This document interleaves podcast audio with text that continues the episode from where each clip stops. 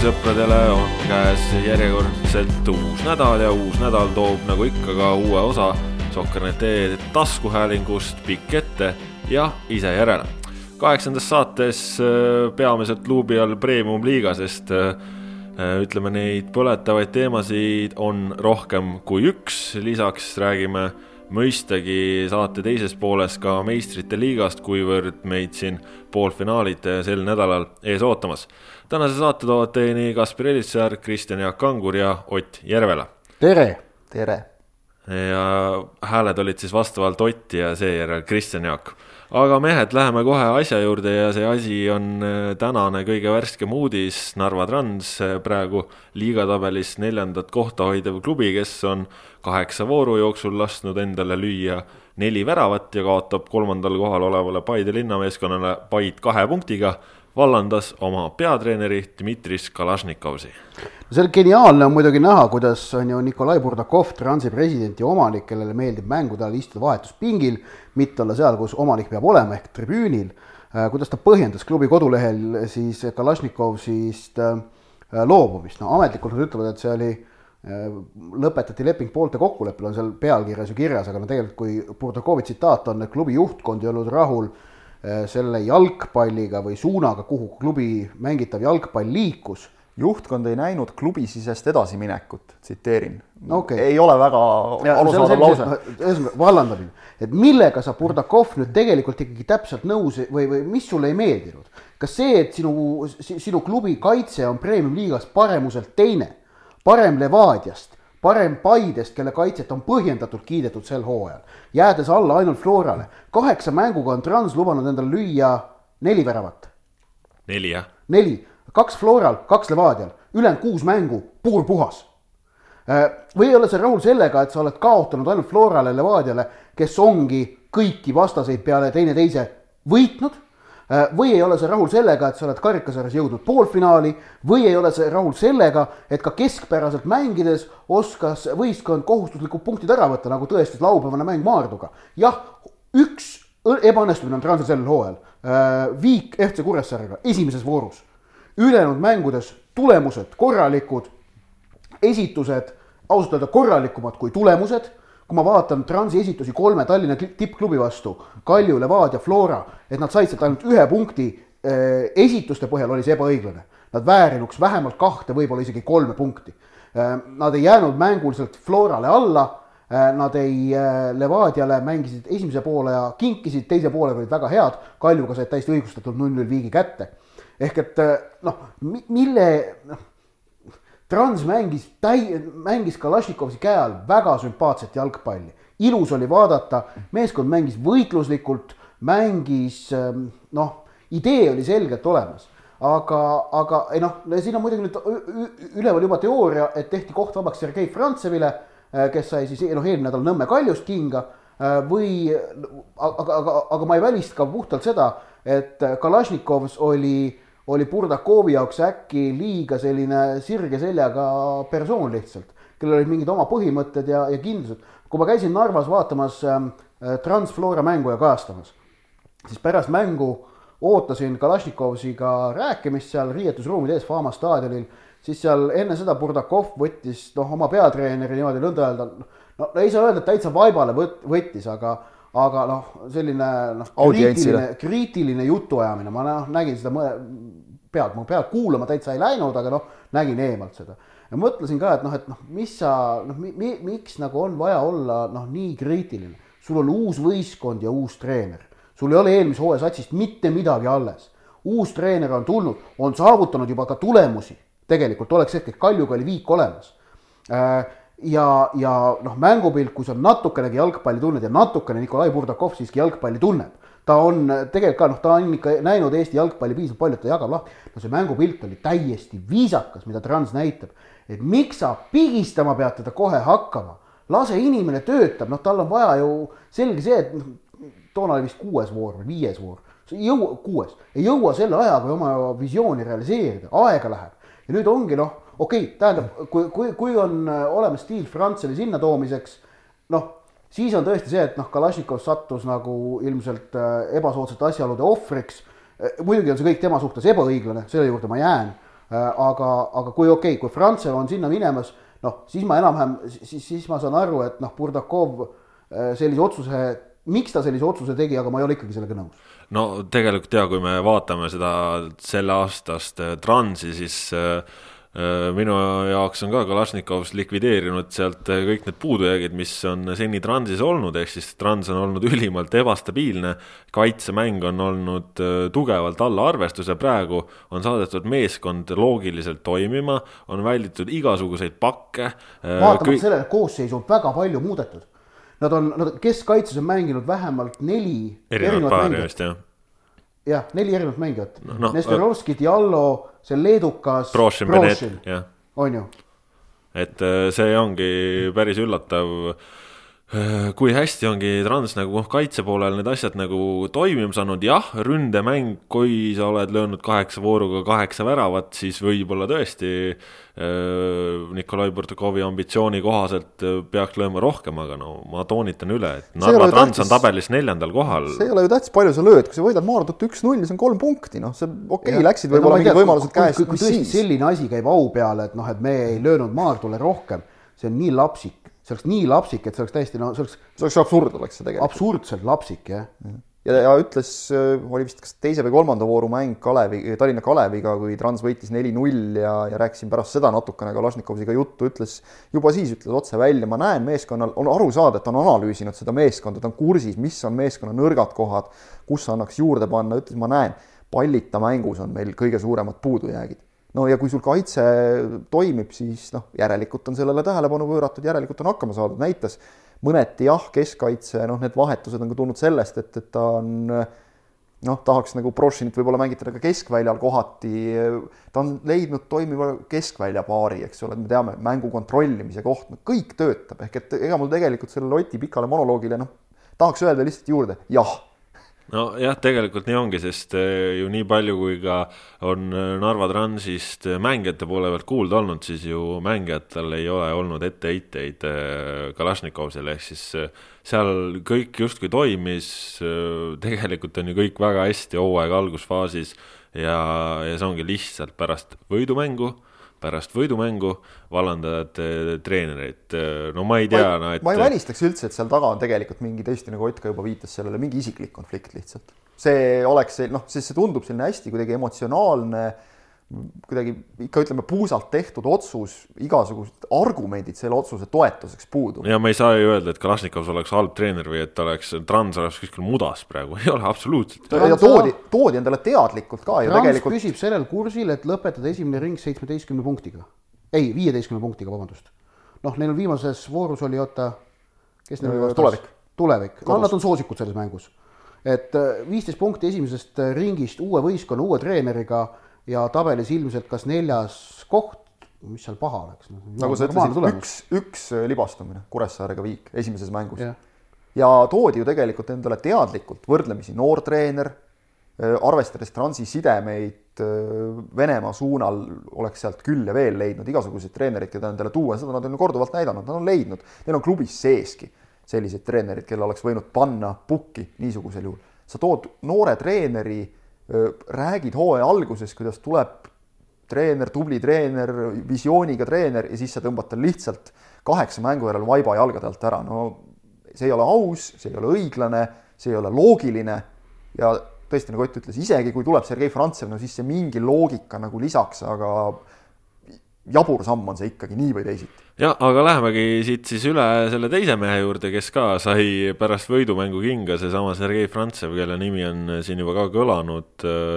noh, Nõmme Kalju hooaeg ei ole alanud võib-olla Kalju ootuste vääriliselt, samas kas ja kui palju on selles süüd Sergei Frantsevile? see on selline kahe otsaga asi, ühelt poolt kui on äh, mis iganes probleemid Kaljus, noh nagu me teada saime, siis tegelikult äh, siin äh, igasuguseid spekuleeritud mänguväliseid probleeme Kaljus ei ole, jumal tänatud. ajakirjanikud on jälle und näinud, nagu nendega vahel ikka juhtub. hea meel ainult kuulda, et, et kõik on korras klubis. kõik on savas... perfektses korras. perfektses Saade. korras. mis, mis omakorda tekitab küsimuse, et, et miks need mehed siis ikkagi nii halvasti mängivad noh, me teame tegelikult seda, et ükskõik mis konflikt tekib kuidagi treeneri ja, ja, ja mängijate vahel, kui tekib mingi, on siis usaldamatus, ükskõik mis sõnadega me seda nimetame, või siis tõesti, nagu siin on Uno Tehva ka, ka öelnud, selgitanud, et väsiti treeneri meetoditest, see on selge, Franz Evon kindla sellise konkreetse karmi käega võib-olla isegi, võib-olla tõesti väsiti nendest aga see on selge, et, et noh, niisugusel juhul meeskonda see lahti ei lase, ühegi klubi president ka kunagi ise ära ei lähe, ehk et noh, loogiline lahendus on vahetada treenerit. aga samas see on huvitav, et see väsimine toimuski siin siis hooaja alguses, sest äh, Sergei Frantseviga ju sõlmiti talvel uus leping. no ikkagi kaks kuud on juba olnud õhu, ohumärgid õhus, eks ole, nagu me teame, nii et äh, hoolimata siin superkarika võitudest ja kõikidest muudest asjadest on ikkagi ilmselged probleemid juba olid juba sel hetkel, kui Frantseviga leping sõlmiti, ehk et noh, mis on ka igati loogiline käik, et, et kui sa, kui sa näed, et probleemid on õhus, siis teed ju ikka sellesama treeneriga uue lepingu. aga, aga noh, ütleme nii, et selles mõttes see, et, et noh, Kalju, Kalju hooaeg, hooaja algus, see on ju fakt, kui me siin Transist räägime, et, et Transil on kõik tegelikult nagu tulemuse poolest tipp-topp, siis noh, Kaljul on sellest väga kaugel asi. tulemust ei ole, mängupilti ei ole, noh, õieti midagi ei ole. kui mingi selline pinge tekib ja seda on kuida-, kuskilt on vaja see ventiil lahti keerata, siis me teame, noh, ka maailma jalgpallist see, see on äh, treeneri vahetus lootuses, et see toimib. nüüd on see küsimus mul, et äh, kui ma vaatasin Kuressaare vastu Kalju mängu, ma ei näinud ausalt öeldes selles mängupildis mitte mingit eri, erilist erinevust võrreldes selle varasemaga, ehk et kui siis treenerist oldi väsitud, treeneri nõudmised olid liiga suured kõik, siis ma oleks nagu eeldanud, et Kuressaare vastu Kalju mehed lähevad hurraaga peale, täis tahtmist, mängivad, tekitavad, löövad, teevad, aga ei teinud. No Kristjan, lisaks sellele, et sina ei näinud seal seda, siis olgem ausad, ka Nõmme Kalju fännid, roosad pantrid ei näinud seda ja pärast mängu ju läks äh, ka ikkagi jälle selle hooaja üks ütleme esimesi suuremaid kraaklemisi, ehk siis äh, Nõmme Kalju mängijad oma fännidega läksid väga korralikult tülli, fännid loopisid seal pudeleid, purke, muud sodi mängijate suunas, seal üritati see minna ka, üritati minna nendele nii lähedale, kui saab ja ja seal ikkagi see tuline arutelu kestis minuteid ja rahulolematuse näitamine on täiesti normaalne, aga mingilegi loopimine on näide puuduvast arust. laenates jah, jalgpalliprotokollidest rahulolematuse näitamine sõnas ja teos ehk noh, sõnas jumala eest, andke minna, see ongi ka fännide kohus ja, ja kui ikka keegi, sa leiad, et keegi on munapea sinu arvates, siis võib seda tribüünilt öelda, võib-olla ta ei ole kõige ilusam, aga noh, elame üle. aga jah, hakata noh, nagu kättpidi kallale mängijale minema või midagi sellist, no taunin tugevalt. aga, aga ütleme nii, et, et noh, ma saan aru, fännide see nii mõnigi Kalju fänn ka ohkas, et, et miks see jalgpallifänni elu nii kuradi raske peab olema. see on jällegi see, et sa ise seod ennast sellega, eks ole, ja noh, sa pead ise vaatama, kuidas sa sellele väljundi leiad, et, et kui sa lased sellest nüüd noh, endal üle pea kasvada sellel, siis on see pigem su enda probleem.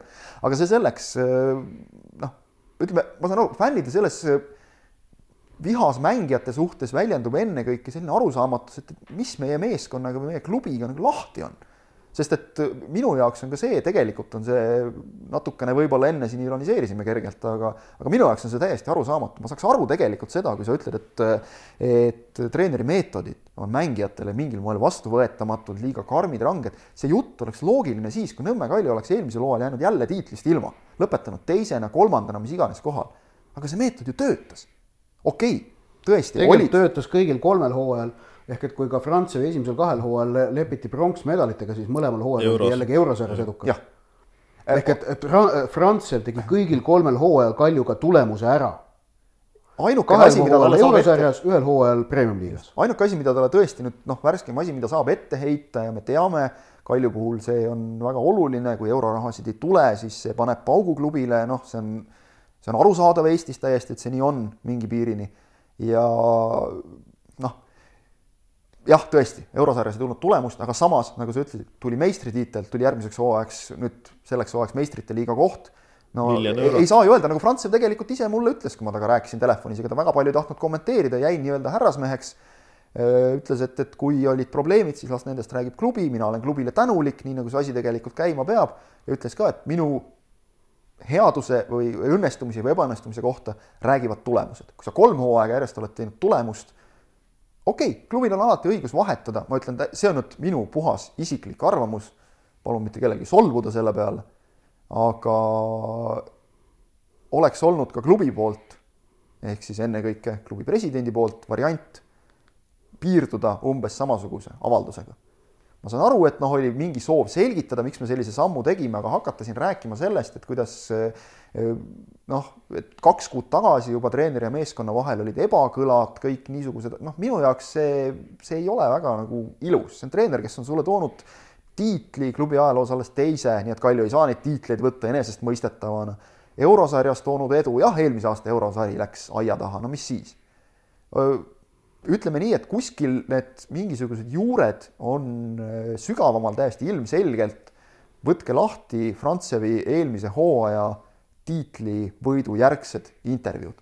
kui peatreener ütleb päev kaks pärast Eesti meistriks tulekut, et klubi peab ja mulle tundus vägagi sõnu valides, klubi peab klubina väga palju muutuma selleks, et saaks minna edasi. see näitab, et pinna all midagi köeb. nüüd muidugi tulemuste põhjal oli noh, võib-olla jah, mõneti isegi loogiline valik vahetada nüüd treenerit, anda uuele mehele võimalus, ei hakka siin ka selle esimese null-nulli pealt nüüd Roman Kožuhovskit maha tegema. vaatame, kus see mees on enne töötanud, töötanud abitreeneritena siin-seal välismaal. Jose Mourinho abitreeneri abitreener. mis on kahtlemata väga väärtuslik kogemus ja ei maksa seda maha teha ja, ja ütleme ka ega Ida-Virumaal Irvises või Kohtla-Järves töötamine annab väga väärtuslikke kogemusi, siis Nõmme Kalju duubel ja nüüd Nõmme Kalju esindusmeeskond. see on ikka päris jõhker hüpe.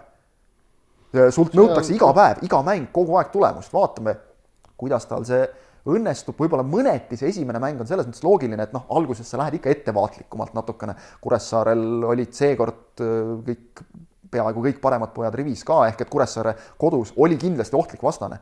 aga just nimelt Kalju mängijatelt ma oleks tahtnud näha rohkem mingisugust äh, põlemist, mingit energiat, see, kui sa hakkad seal pärast mängu seletama oma fännidele, et, et ei, me ikka tahtsime ja tegime ja sinna paned selle põlemise, et see ei ole päris see koht. no see on üldse tegelikult nüüd äh, huvitav jälgida, et äh, kuidas need asjad äh, selle nurga alt lahenevad, sest ütleme, Kalju fännide esimene reaktsioon nädala keskel karikamängus Tammeka vastu, üksteist minutit tribüünil vaikus, fännisektor tühi, vaid rippus seal plagu, Kalju, kus sa oled siis äh, kaheteistkümnendaks minutiks Kalju fännid ilmusid kohale, panid äh, korraliku mürgli püsti, kui nii võib öelda, ja oligi noh, korralik toetus meeskonnale antud, kõik nii, saime aru.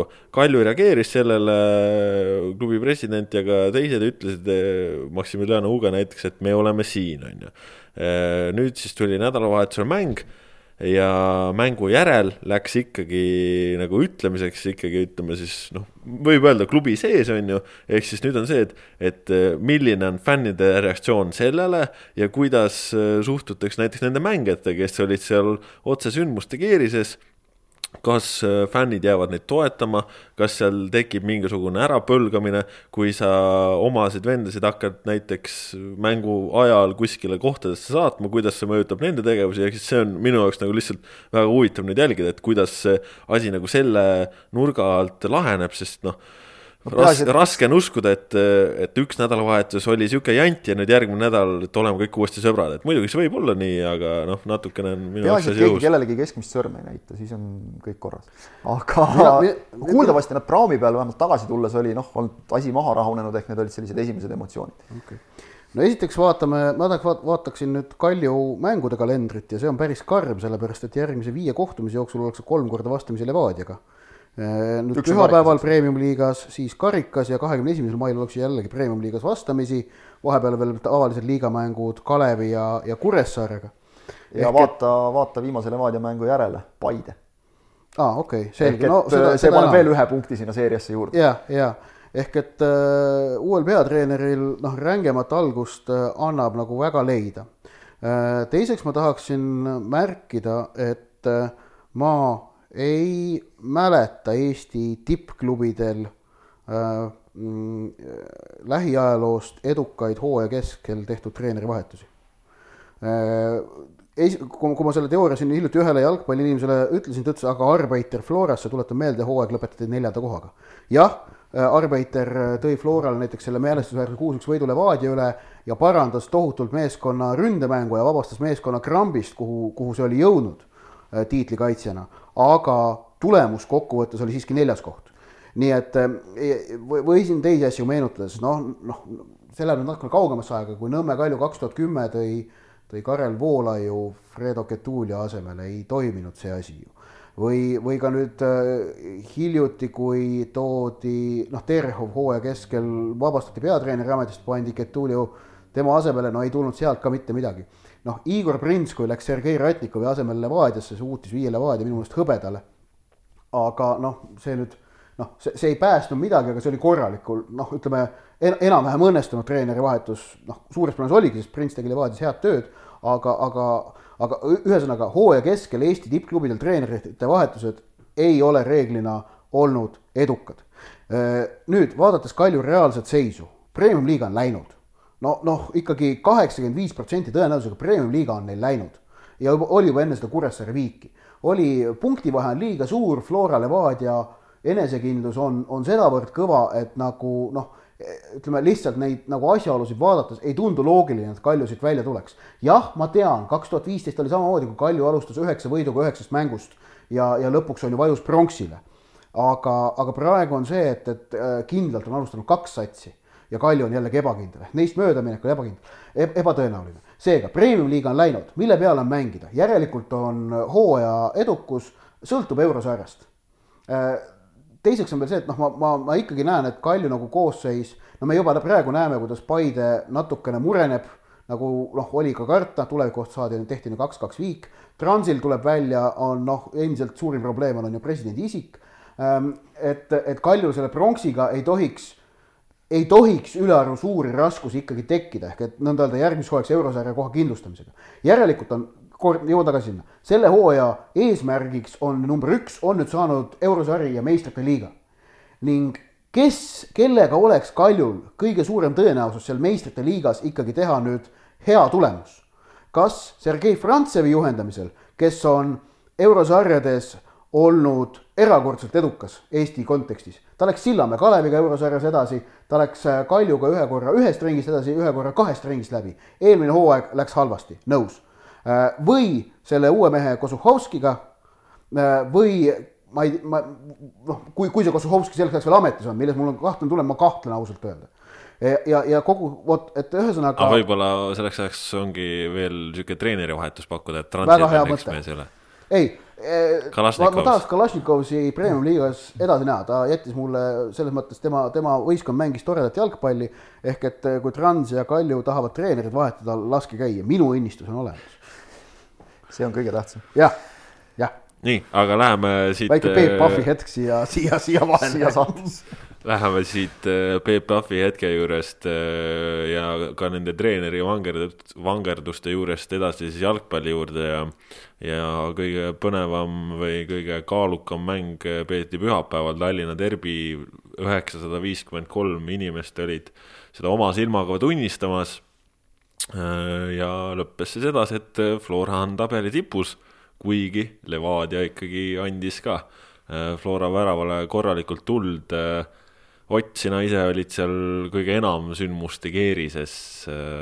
Voolaid istus mu kõrval, ära, ära süüdista mind. no okay. Voolaid teeb praegu täna välismaa tööd, nii et Selge. räägi sina ehm,. noh, esituse mõttes tõesti, Levadia, Levadia ei olnud üldse, üldse paha, pigem täitsa hea. ehk et äh, Levadia peatreener Aleksandr Rogitši retoorika pärast mängu oli, et, äh, et nad mängisid, et ta on oma meeskonnaga rahul ja et võib-olla oli natukene ebaõnne, et palli sisse suudetud panna, et noh, Peetsoni ja Kanda võimalused olid sellised, kus nagu oli keerulisem äh, mööda lüüa, kui, kui sisse lüüa. ehk et ma saan aru, miks Rogic äh, niimoodi rääkis ja talle oli keeruline vastu vaielda ja ma otseselt ei näegi põhjust vastu vaielda. Ähm, samas on nagu, on, on, on, on tõsi ka see, et, et, et sellises pingelises mängus see, kas võistkond realiseerib oma võimalused ära ja, ja või mitte, et see sõltub väga palju sellistest noh, detailidest, mis on taustal. ja ilmselgelt Floral on need nüansid praegu paremini paigas, kui nemad selles mängus suutsid ennast, ennast, ennast niimoodi ära realiseerida muidugi oli õnne, et penaltiga noh, pall, et Jean Morelli oli penalti üle. ja noh, selleks hetkeks oli ju senine penaltöö ja Jevgeni Budnik välja vahetatud. kes mängis väga kehvalt, täiesti kohutavalt kehva mängu tegi muuseas.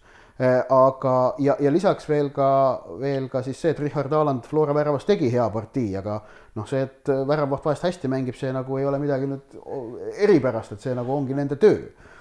et eh, noh selles mõttes minu järeldus nagu sellest mängust oleks suht lihtne, kui Flora suutis sellises mängus lüüa kaks ja Levadia ühe värava, siis Flora vääriski seda võitu, väga lihtne. Äh, aga, aga nüüd on jah, et noh, huvitav on näha, mis nüüd edasi hakkab juhtuma, ehk et äh, kas ja kuidas äh, noh, Levadia sellest oma siis ütleme, hooaja esimesest tagasilöögist, ma seda superkarikat ma ei pea millekski eriliseks, et kuidas nad sellest välja tulevad. ja just nimelt, et ka neil on nüüd ju kaks mängu Kaljuga ees ootamas tegelikult isegi kolm mängu noh, viie kohtumise jooksul. et see on, seda on huvitav vaadata.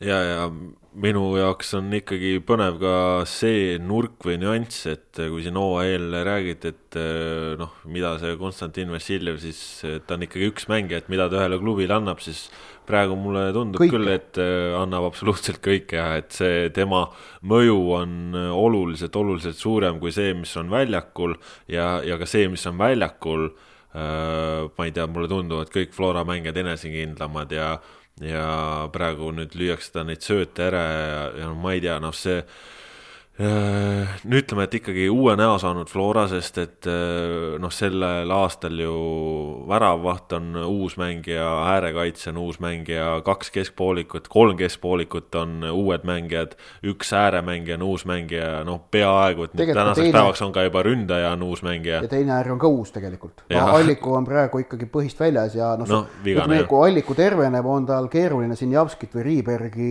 põhikoosseisust välja mängida, praeguse põhjal otsustades no ma arvan, et ta on Hennile usalduse asu-, asu, asu, alune ja saab, saab ikkagi, jah, et ta saab need minutid, aga, aga noh, võtteski ette sellele, et kui palju on äh, Flora muutunud ja noh, ma ju praegu isegi maininud keskkaitset ka, kust ju Madis Vihman ära kadus, ehk siis äh, no, põhiko-, põhikoosseis on satsiliselt, põhimõtteliselt on, põhikoosseis on uus ja sats mängib satsil on kaheksast voorust kaheksa võitu, kakskümmend neli väravat, kaks tükki on endale lastud.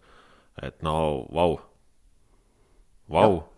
ja, ja ongi, et kui on räägitud, et noor sats ja noh, ikkagi arvati, et teised on tugevamad, siis, siis äh, praegu kaks suurt mängu, Levadia võideti, Kalju võideti ja, ja noh, siin on Vassiljevi jälg äh, on näha, sest äh, enesekindlus on see, millega on Flora kaotanud neid mänge, aga praegu teatakse, et suudetakse ja suudetaksegi. jah, absoluutselt nõus, et, et selles mõttes oli, oli, Derbi oli kõnekas küll. et ta ei olnud väga isegi otsustav, aga ta oli kõnekas küll ja kõnekas eelkõige selle kohta jah, kuidas nagu, mis on, mis on need Flora kvaliteedid, et Levadial äh, no ma usun, ma, ma olen väga veendunud, Levadia ei ole oma seda viimast sõna veel öelnud, et, et nende, jaa, ei. Neil, neil, see, ma jään selle juurde, mis ma enne Tervit ütlesin, et Levadial on minu meelest parandamisruumi rohkem kui Floral. ja, ja see on minu meelest endiselt seis on sama, aga nüüd on noh, muidugi küsimus see, et kuidas seda suudetakse, eh, noh, ei tule, kindlasti Juri Tratšuki puudumine keskelt oli väga oluline eh, noh, miinusmärk Levadiale Marek Kaljum ei mänginud üldse halvasti, täitsa, täiesti korralik, täitsa, täitsa korraliku ja hea mängu tegi, aga lihtsalt noh, tema kvaliteet ei ole nii kõrge kui Tkatšukil. ma võib-olla siin isegi ei nõustuks, et kvaliteet pole kõrge, kvaliteet on lihtsalt teistsugune. et äh, no. nad, nad on ikkagi äh, nagu natuuri poolest, nad on erinevad mängijad, aga, aga ma ei, no ma ei, ma ei julgeks öelda, et äh, Kaljumäe kvaliteet on kehvem, ta on lihtsalt teistsugune mängija okay,. ja, no. ja võib-olla nemad koos mõjuksid keskväljal veel eriti hästi see muudaks, ma kardan, Levadia veidikene liiga negatiivseks, nad ei taha seda. Neil on noh, arvestades, et neil no, on see, neil on see Igor, Igor Zurahovski seal, kes oli nüüd, tuli vahetusest sisse ja pakkus kohe nagu selge nagu noh, positiivse märgi, aga ta oli ka vist veidi, veidi liiga vigane põhis alustada. Et, et noh, see keskvälja oleks võinud olla ka Tkatšuk, Zurahovski ja Morelli, kuigi ka Peetson tegi jällegi hea mängu, ta on üldse head mänge viimasel ajal teinud. Et noh, seal keskel nagu on seda valikut ähm, aga, aga jah, et Levadial on sealt võimalik juurde panna, teiseks minu meelest eile keskkaitsjad Lipp ja Ossipov olid, olid nõrgad. No., olid, olid Flora kiirusega selgelt hädas mõlemad nii kiirusega, mida pakkus Sinjavski, nii kiirus kui mida pakkus Sorga no,. kas es... see võis olla nüüd muidugi võistkondliku kaitsemängu probleem, et ei julgestatud neid piisavalt või mis, aga igatahes kiirusega nad probleemi. no esimene värav ju löödi puhtalt selle pealt, et äh, noh, Vassiljevilt esiteks küll suurepärane sööt, aga Sinjavski jooksis ju lipu üle. jooksis puhtalt lipu üle ja noh, lipp on ja, ju ka, oli vahepeal. ja, ja noh, lipp oli ju ka vahepeal vigane, nüüd ei olnud mänginud, pandi põhisse uuesti Podoluzini äärel, no sain aru, mida Roogid sellega taotles, aga no ütleme selle nurga. oli, oli eelmise seitsme no, päevaga kaks. võib-olla ka, võib-olla ka tegelikult see, et äh, Podoluzin on äh, tänasel päeval natukene kiirem ja kaitsvam, ehk siis äh, eesmärk võtta Sinjavski kinni, on ju. mis ei õnnestunud. jah, ja see ei õnnestunud ja, ja teistpidi siis ongi keskelt ikkagi natuke võib-olla, et see oli, selle käiguga võib-olla siis Roogits ei pannud täppi. võib-olla jah, ei tea no vot, aga, aga Flora noh, ühesõnaga Flora mulje, muljetavaldav seeria jätkub. Ja, ja nende kalender võimaldab seda võiduseeriat veel päris pikalt pikendada. just, aga läheme siit derbi juttude juurest edasi, üks teine selline noh, peaaegu et Lõuna-Eesti derbi, kesklõuna sihuke Viljandi tulevik, Paide linnameeskond kaks-kaks viik, tuline andmine, Kristjan Jaak, sina olid seal kohapeal ja, ja nägid ka väga tuliseid hetki. jah, mängust rääkides kõigepealt tulevik esimesel poolajal oli suhteliselt noh, eriti rünnakul väga nüri. teiseks poolajaks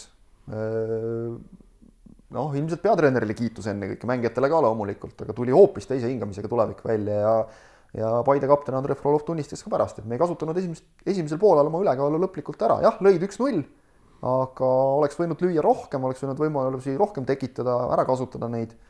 ja, ja teisel poolel olid nad juba hädas, minu meelest äh, sa Ott vist ütlesid oma selles kuulsustega võidu ennustamise rubriigis. Äh, kus just... ma sain Kojamehe käelt, käest haledalt tappa see voor, kolm kaheksa, aga üldedu veel ühepunktiline olemas. siis on lootust. noh, jah äh, minu meelest sa seal ütlesid väga õigesti, et, et see on selline mäng, mida Paide, kui ta tahab medalile tulla, selliseid mängijaid, et peavad võitma mm. -hmm. ja nad ei võitnud seda. ehk et nad jäid hätta seal. hea näide sellest, et Paide on peaaegu esikolmiku kannul, aga ainult peaaegu. ehk et neil oli probleeme, jah, muidugi oli.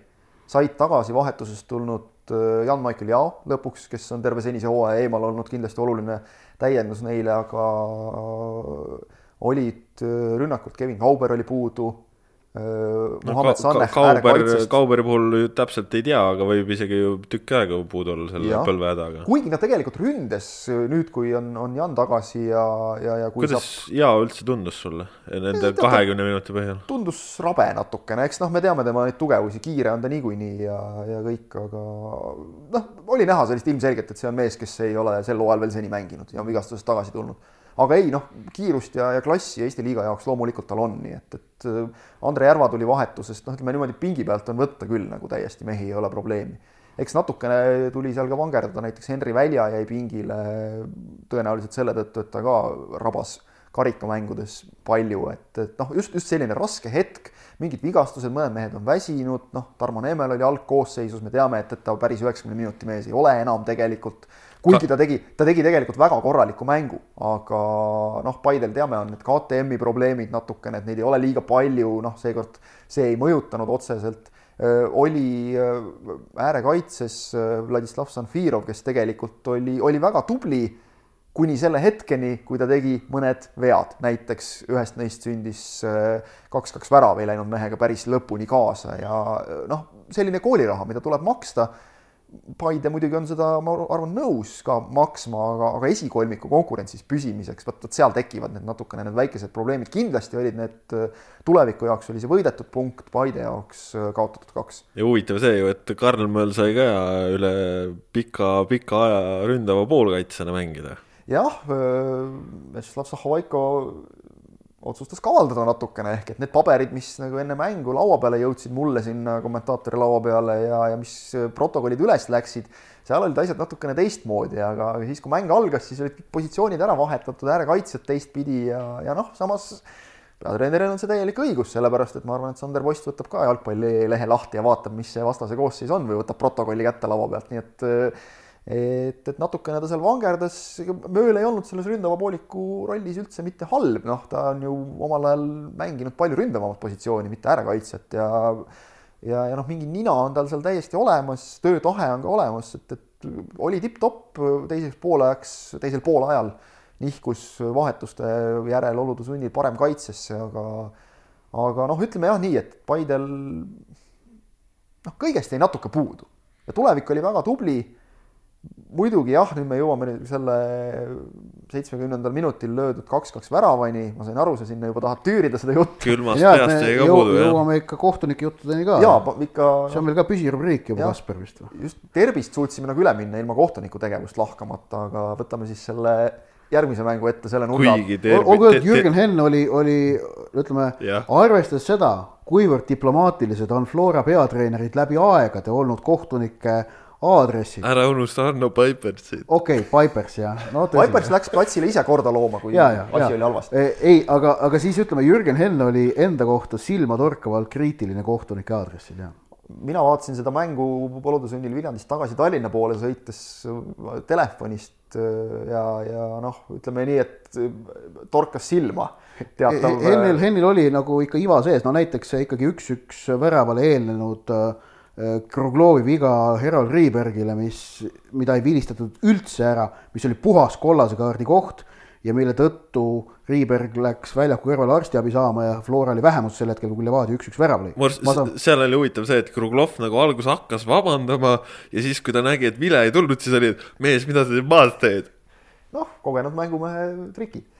aga jah, jõudes nende kaartide ja asjade juurde tagasi, siis eh, noh eks seda olukorda saab siin kruttida seda ja teistpidi, kus äh, seitsmekümnendal minutil Kaimar Saak sai väravat ja söödu lõi peale, seal oli ping-pong oli kõva, Mait Toom sai käe vahele, siis läks see pall posti, läks vist vastu Toomi pead, sealt üle joone, siis Toom ajas selle tagasi kuidagi teisele poole joont jälle vastu Saagi jalga ja siis Saag igaks juhuks vaatas, et noh, mis kinni ei jää, saab kinni löödud ja lõi selle palli jõuga väravasse võib-olla ta tabas selles olukorras Mait Toomi, väga raske on nende videokorduste põhjalt öelda, mis olemas on.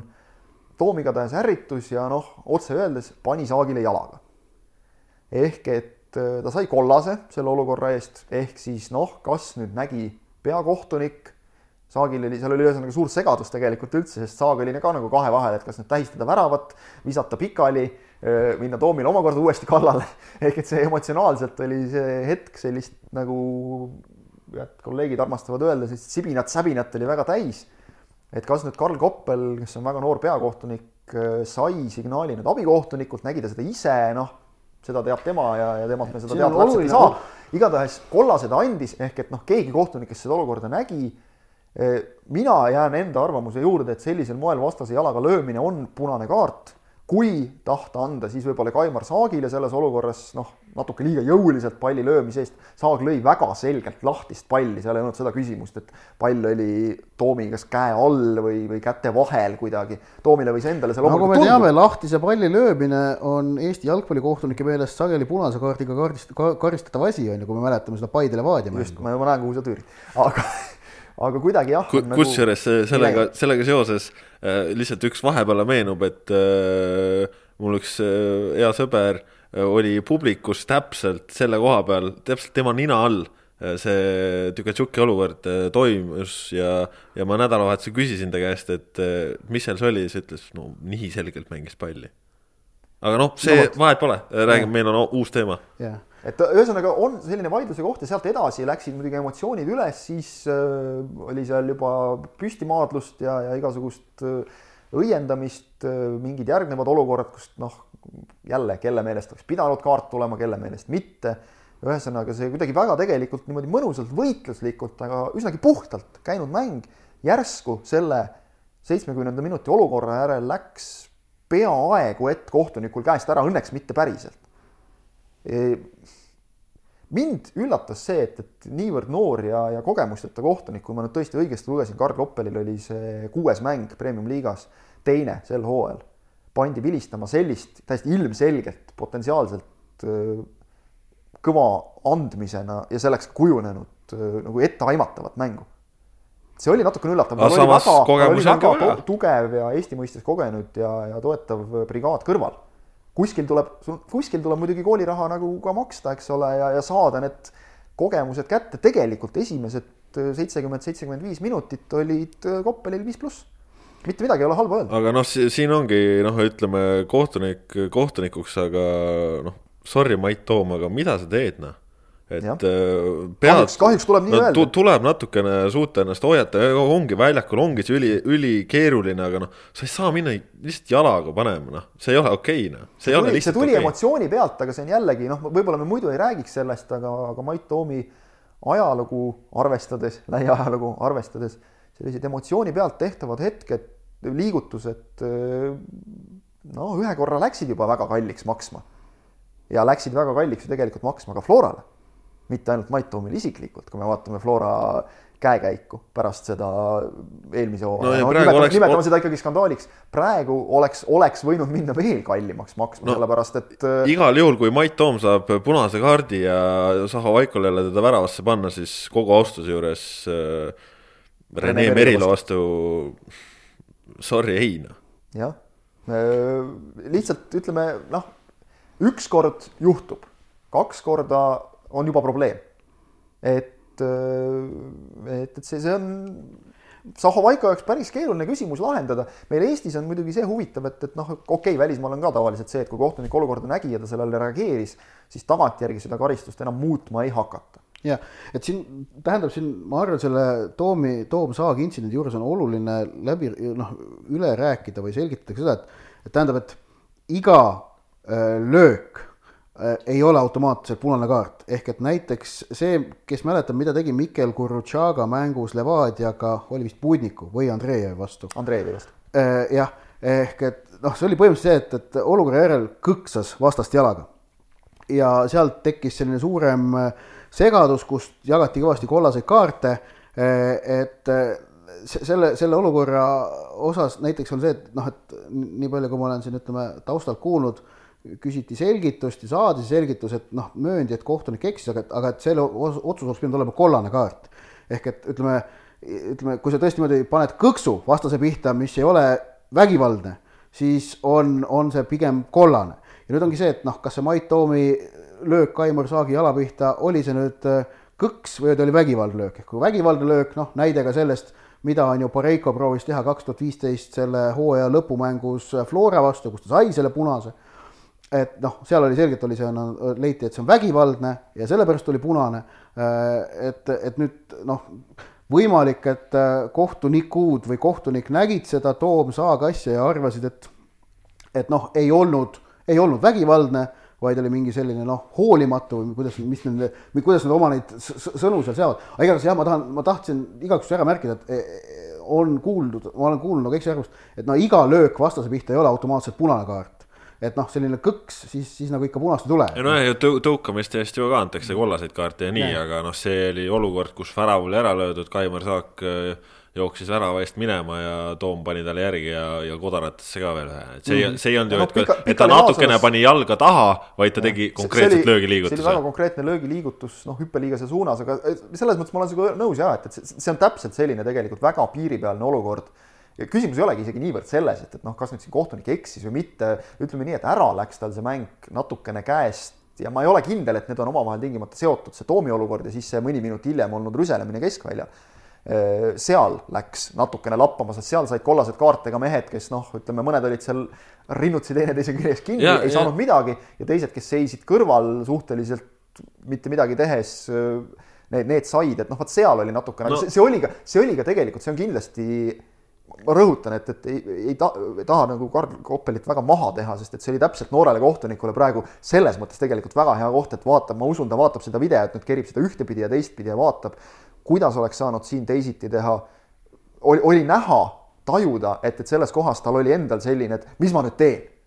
Ehk et sellised kohad, noh, see, see käib asja juurde. no samas äh, lihtsalt veel teise nurga alt ka, et äh, kui siin Aleksandr Rogic ütles ka enne nädalavahetuse derbit äh, ka kohtunike teemal rääkides, et et see ei ole mängijate ega, ega treenerite töö hoida asju nii-öelda rahulikuna, siis noh, ma nii palju ikkagi ütleks, et need sportlased, kes premium-liigas väljakul jooksevad, nad on eeskujuks äh, noortele jalgpalluritele, lastele ja, ja noh, ükskõik kui palju mängu jooksul sul emotsioonid keevad ja mis iganes sa seal väljakul tunned, aga normaalne inimlik käitumine ei ole see, et sa äh, lähed kuskil midagi taguma, nii et hoia oma asju kontrolli all ja kui sa seda teha ei suuda, siis äh, see on suur probleem. ma küll ka ma ütlen selle märkuse veel nüüd siia, et kaheksa vooruga me oleme kahjuks jõudnud olukorda, kus äh, kohtunike äh, otsused, äh, nii tehtud kui tegemata jäetud,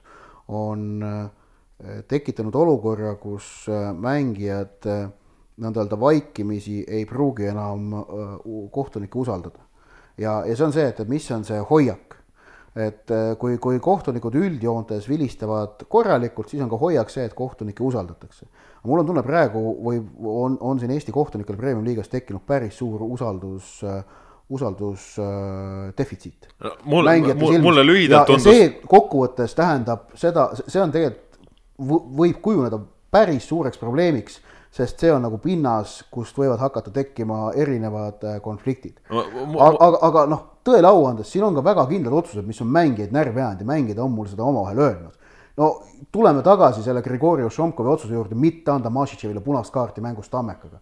tald ees, sirge jalaga säärde, noh ja, ja, ja siin on neid veel. no mulle tundus sihuke põgusalt lihtsalt sihuke nädala aja jälgimise tulemusena, et kui äh, selle esimese äh, Paide Levadia mängu järel äh, tehti Romer Darajevi osas siis väga palju häält, et äh, lasi mängu käest ära, et lehvitas liiga kergelt kaarte, siis nüüd mulle tundus, et just siin nädala aja jooksul äh, proovisid kohtunikud hoida siis äh, nagu tagasihoidlikumat joont, et mängige siis natuke jõulisemalt ja siis seeläbi vastupidi nagu jäid nagu mingid asjad andmata, aga noh, see lihtsalt üks väike tundmus. eks, eks ta ongi keeruline ja ütleme selle, miks üldse nagu sellest Karl Oppelist rääkida, on see, et ma tõesti jumala eest loodan, et kui ta meie saadet kuulab, et siis ta ei heitu sellest, et siin mingit kriitikat me teeme ja vilistab edasi, sest tegelikult meil on minu meelest paras äh, ka kohtunike defitsiit, et, et tuleks jumala eest neid noori kohtunikke ainult peale ja, ja noh, loodame, et et nad saavad selle pingega hakkama, et neil läheb hästi ja vilekvaliteet ka on hea.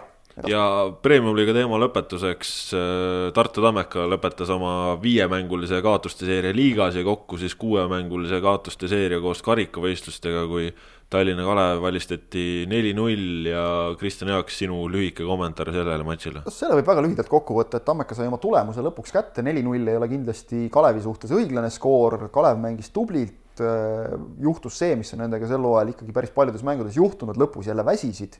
Tammeka lahendas oma võimalused ära lõpupoole, eriti juba standarditest lihtsalt nii-öelda jõuga.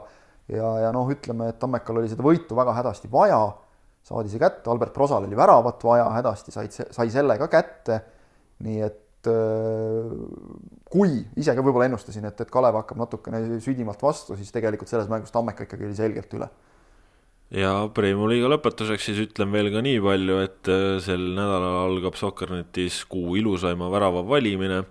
nii et äh, kui see video meil portaali üles tuleb ja hääletus samamoodi, siis äh, andke oma hääl, öelge oma sõna kaasa ja niimoodi selguvad ikkagi parimad ja lisaks siis ka sel nädalal on oodata Soccerneti kuu sümboolset koosseisu ehk siis aprillikuu parimad üksteist meest koos põhjendustega ka. Sel nädalal meil portaal üles saavad, et siis on meil see aprillikuu ka kokku võetud. aga nüüd saate lõpetuseks siis välismaa jalgpalli juurde ka, teisipäeval, kolmapäeval algavad meistrite liiga poolfinaalid ja kui siin veerandfinaalide loosi eel oli ikkagi natukene niisugust nurinat, et loos on igav ja et põnevaks läheb alles poolfinaalidest, siis nüüd on poolfinaalid käes ja teisipäeva õhtul siis Tottenham Hotspur Amsterdami ajaks, kolmapäeval Barcelona, Liverpool. no need on ikka nii magusad vastasseisud ja no me ilmselt äh, teame kõik siin, et äh, teisipäeva õhtul siin seltskonnas kõik loodavad ajaksi edu, aga, aga tegelikult ju Spurs vääriks ka nii mõndagi, eriti näiteks Indrek Švede arvates jah, minul ei ole kummagi edasipääsu vastu midagi selles mõttes, et äh, ilmselt, ilmselgelt sellest paarist finaali minev meeskond on seal kaotaja või? outsider, mitte kaotaja, mitte kaotaja, seda ma ei, ei julgeks väita, aga outsider kindlasti. mina olen selles paaris selgelt avalikult ja äh, väga kindlatel põhjustel Amsterdami ajaksi poolt.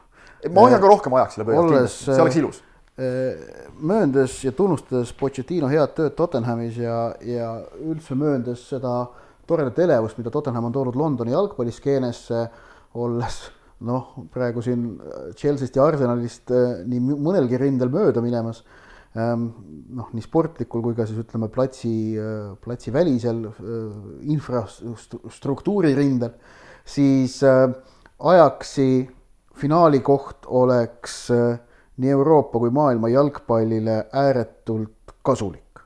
Äh, sest rõhutaks ja tõstaks esile taaskord, et on võimalik ka teisiti ja seda maailma jalgpall kahtlemata vajaks ja, ja see on samas ju huvitav, et ka tegelikult Tottenham on ise ka üks selline natukene, kes näitab, et saab ka teisiti, noh, kasvõi see, et, et nad ei ole, ei ole näitab... ju pikalt üleminekuidki teinud, aga noh, ajaks on nagu veel selgem. ajaks näitab paremini. jah, et seal on lihtsalt see, et, et üks on, üks on, ütleme noh, koefitsiendiga kaks koma kaks ja teine on neli koma kuus, noh.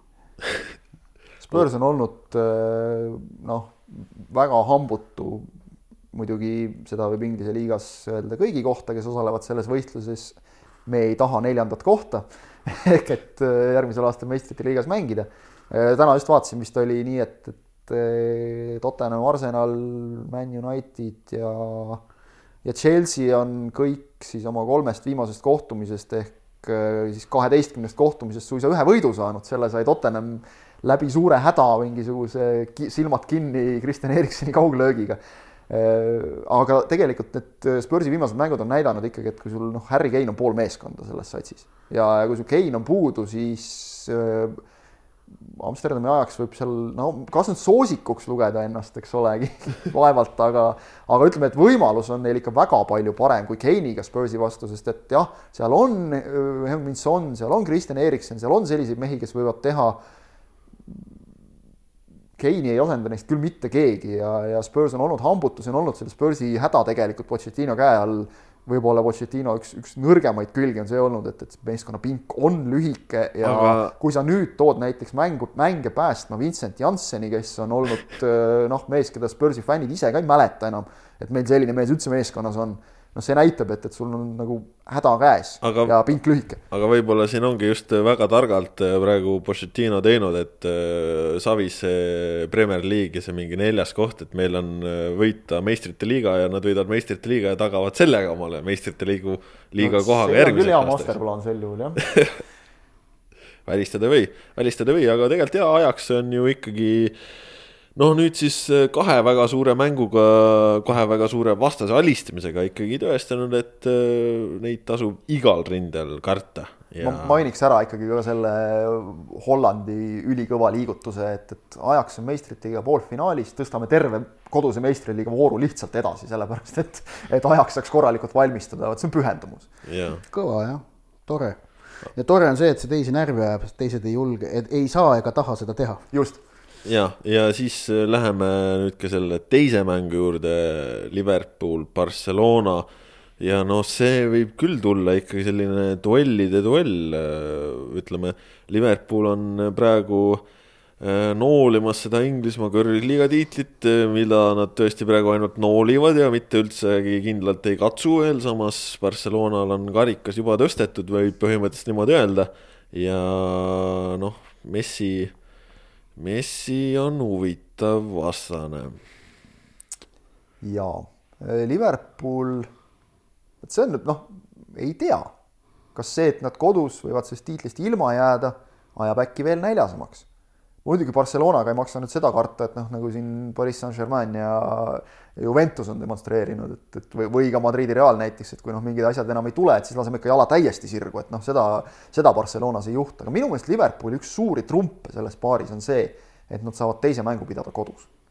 ja see praegune Liverpool, kui nad tulevad noh, enam-vähem normaalse tulemusega Barcelonast tagasi avamängu järel siis, siis on neil küll absoluutselt kõik võimalused kodus asju teha, sest et noh, olles olles siin neid Liverpooli mänge vaadanud, okei okay,, koduliigas on ka sellised noh, poolkohustuslikud vastased olnud, aga noh, ka Chelsea löödi näiteks maa sisse, et no aga sa ei saa võrrelda see, see ründejõud on ikka see on ikka ebareaalselt no, sa ei saa võrrelda Chelsea't ja Barcelonat, sest Barcelona nii... ründejõud on selline ka, et et kui neil teine mäng on võõrsil, siis nad löövad lihtsalt võõrsil värava, mis meistrite liigas aitab neid nii või naa ja no see on ma ei tea, noh. mina ikka arvan, et Barca läheb finaali siit paarist, jah. ma, ma ei, ma arvan täitsa, no ma arvan, et Barcelona on, Barcelona on noh, korralik favoriit selles paaris ma ja, ja ma arvan ka seda, et Liverpooli hakkab närima see äh, kartus, põhjendatud kartus, et suurepärase hooaja lõpuks pole neil ette näidata mitte midagi, midagi. Peale Inglismaa hõbeda. Et.... ja meistrite liiga poolfinaali koha. Mis on tegelikult mitte midagi nende hooaega ja ootusi arvestades. no selles suhtes küll, et see mäng on, äh, julgeks öelda, päris selline finaalimaiguline, sest äh, noh, olgem ausad, see kvaliteet, mis seal väljakul vastamis läheb, on ikkagi erakordselt kõrge. Ja kui Barcelona on üldiselt kõikides mängudes, mida nad mängivad, selge soosik, siis äh, Liverpool on ikkagi meeskond, kes hoiab asju lahtisena, ehk siis Äh, Liverpool on oma aastaga jällegi näidanud, et nemad on äh, väga ohtlik meeskond ja noh, ütleme, et, et kui keegi võiks Barcelonale vastu saada, siis see võiks olla just nimelt Liverpool. ma hindaks ka Barcelonat soosikuks, aga võib-olla usun isegi Otist natuke rohkem, et Liverpool suudab neid üllatada. jah mul, mul nagu otsene selles paaris nagu otsene soosik puudub, noh, me võime kõik ära öelda, et, et ajaks meistrite liiga võitjaks ja ja, ja see on ilmselt südamesoov nagu, sest see oleks lihtsalt niivõrd ilus lugu. aga, aga jah, noh, selge on, et sellest paarist tuleb soosik. okei okay., ja ega me tegelikult ju tõde ei tea, sest äh, ennustaja võimed meil puuduvad ja kõik, mis me räägime, on äh, spekulatsioon, vähemalt sel tasandil, kui me vaatame tulevikku aga selline oli siis äh, seekordne kaheksas saade taskuajalingust Pikk ette ja ise järele, kuulake meid ikka igal nädalal, jutte saab kuulata nii SoundCloudist, Spotify'st kui ka iTunes'ist ja kui keegi tahab, võib-olla siis saadame isegi kuskile mujale selle saate, kui teil väga suur soov on. igatahes uued jutud uuel nädalal, tänase saate tõid teieni Kaspar Elissaar, Kristjan Jaak Kangur ja Ott Järvela. püsige ikka Sokkerneti lainel ja kuulmiseni!